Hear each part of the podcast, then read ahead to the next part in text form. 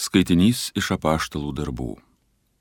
Paleisti Petras ir Jonas atėjo pas saviškius ir išpasakojo, ką jiems buvo sakę aukštieji kunigai ir seniūnai. Išklausę, visi vieningai pakėlė į Dievo balsus ir taip meldėsi.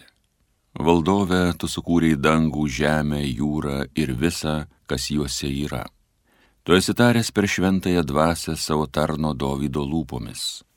Kodėl niršta pagonys, kam veltui tautos samokslus rengia? Žemės karaliai sukilo, valdovai susibūrė draugin prieš viešpatį ir jo mesiją.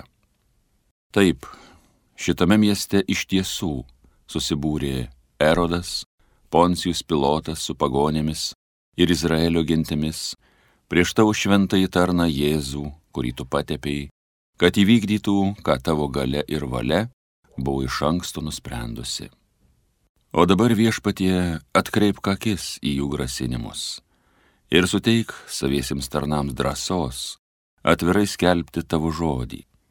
Ištiesk savo ranką, kad tavo šventojo tarno Jėzaus vardu būtų pagydoma ir daromi ženklai bei stebuklai. Jiems pasimeldus sudrebėjo susirinkimo vieta, visi prisipildė šventosios dvasios ir ėmė drąsiai skelbti Dievo žodį. Tai Dievo žodis.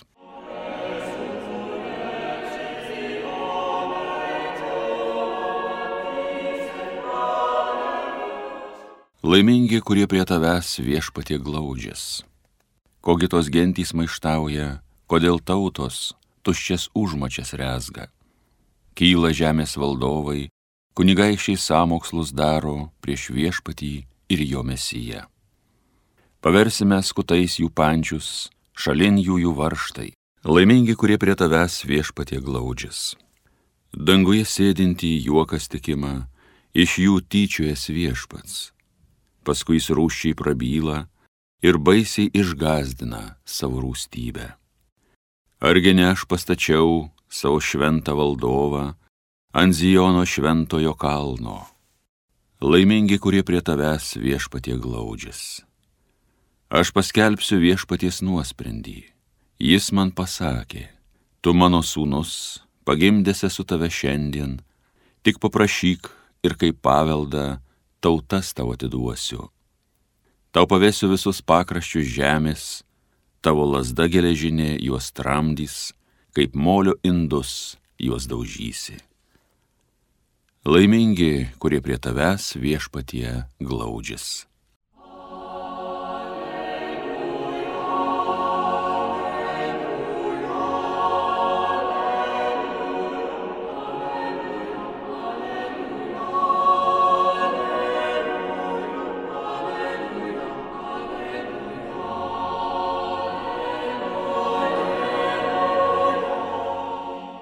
Jeigu esate su Kristumi prikelti, siekite to, kas aukštybėse, kur Kristus sėdi Dievo dešinėje.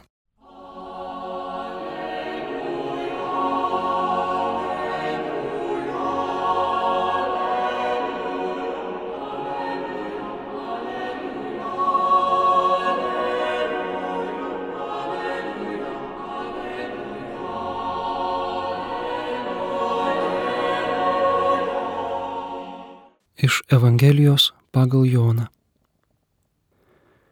Buvo vienas fariziejus vardu Nikodemas, žydų didžiūnas. Jis atėjo nakčia ir kreipėsi į Jėzų. Rabi, mes suprantame, kad esi atėjęs nuo Dievo kaip mokytojas, nes niekas negalėtų padaryti tokių ženklų, kokius tu darai, jeigu Dievas nebūtų su juo. Jėzus atsakė, Iš tiesų, iš tiesų sakau tau, jei kas net gims iš aukštybės, negalės regėti Dievo karalystės. Nikodemas paklausė, bet kaip gali gimti žmogus, būdamas nebejaunas? Ar jis gali antrą kartą įeiti į savo motinos iščias ir vėl užgimti? Jėzus atsakė, iš tiesų, iš tiesų sakau tau, kas negims iš vandens ir dvasios, neįeis į Dievo karalystę. Kas gimė iš kūno yra kūnas, o kas gimė iš dvasios yra dvasia. Nesistebėk, jog pasakiau, jums reikia atgimti iš aukštybės. Vėjas pučia kur nori, jo ošimą girdi, bet nežinai, iš kur ateina ir kur link nueina. Taip esti ir su kiekvienu, kuris gimė iš dvasios. Tai viešpaties žodis.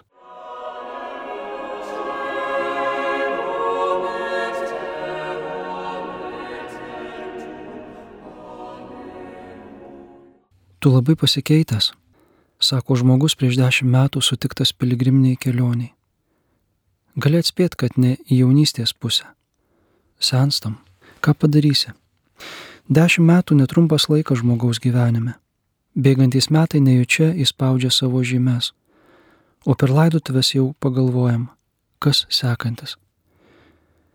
Nelabai malonu, bet įprasta, kad sveikatos ir gyvybės mumise palengva mažėja. Neparungtiniausi su tais, kuriems tie 10 ar 20 metų dar prieš akį. Jiems jau labiau priklauso šis gyvenimas negu tau. Atšventėm Velykas, Jėzaus pergalę prieš mirtį, o vis tiek mūsų gyvenimo natūrali, lietuviškai tariant, gamtinė, prigimtinė kryptis į mirtį, į nyksmą. O tai liūdna, kaip bevartytum. Ir jeigu netikėjimas, kad yra ir kita kryptis, ir kitas gyvenimas, tada variantai lieka du. Arba depresija, suvokiant būties baigtinumą ir nyksmą, arba savotiška šizofrenija, gyvenimas neigiant akivaizdžią tikrovę ir apgaudinėjant save, kad yra kitaip. Tikėjimas leidžia šių dviejų liūdnų aklygatvių išvengti. Apaštalas Paulius, pažiūrėjęs visą loginę argumentaciją apie mirusiųjų prisikėlimą, išvedama iš Jėzaus prisikėlimo, Jeigu mes neprisikeelsime, tai ir Jėzus neprisikėlė. O jeigu jis neprisikėlė, tai visas mūsų tikėjimas yra grini niekai, tai būtų galima ją apibendrinti. Pasako kitą mūsų guodžiantį dalyką. Jei mūsų išorinis žmogus vis nyksta, tai vidinis diena iš dienos atsinaujina. Yra kita kryptis priešinga gamtiniam nyksmui yra ne tik mirties diktatas tai materijai, iš kurios esame sukurti, dulkės sugrįžta į dulkės. Yra ir jaunėjimo kryptis, ir gimimo iš naujo galimybė. Protingam įstatymo mokytojui Nikodemui tai nelengva suprasti. O mes tai suprantame labai gerai, kiekvieną kartą, kai einam iš pažinties ir atgimstame dvasioje. Šventoji Dievo dvasia leidžia mums daugybę kartų atgimti, kai nuodėmė mirę, prisikeliam naujam gyvenimui - krikštu, atgaila, Euharistija. Dievo dvasia turi daugybę būdų dovanoti mums naujai ar vis pilniau mumise įskleisti Dievo vaikų gyvenimą. Atgimimas iš aukštybių nebūtinai lygus charizmatiniam atsinaujinimui, kalbėjimui kalbomis, iškeltom rankom, nors ir tai jis paliečia. Iš aukštybių ateinanti dvasia veikia įvairiausiais būdais. Paprastais ir nepaprastais, gamtiniais ir antgamtiniais.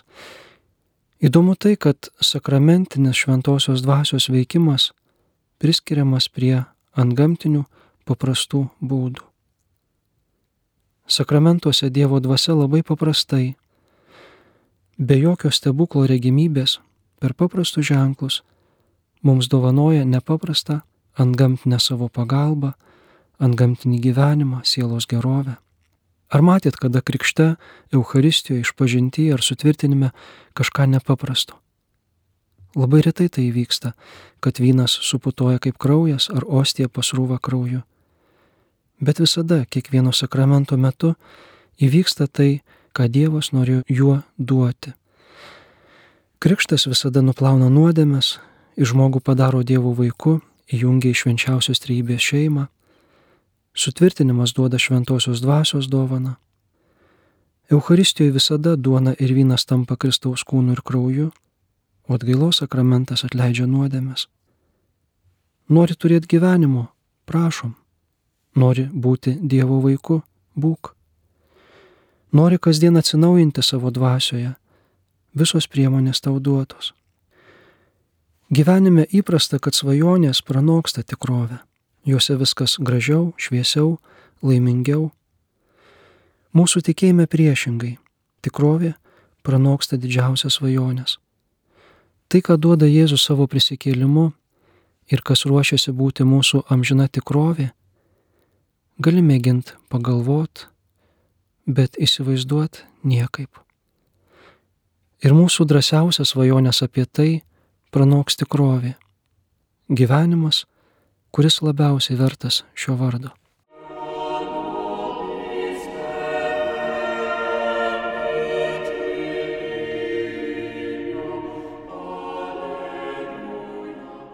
Homilija sakė kunigas Mindaugas Martinaitis.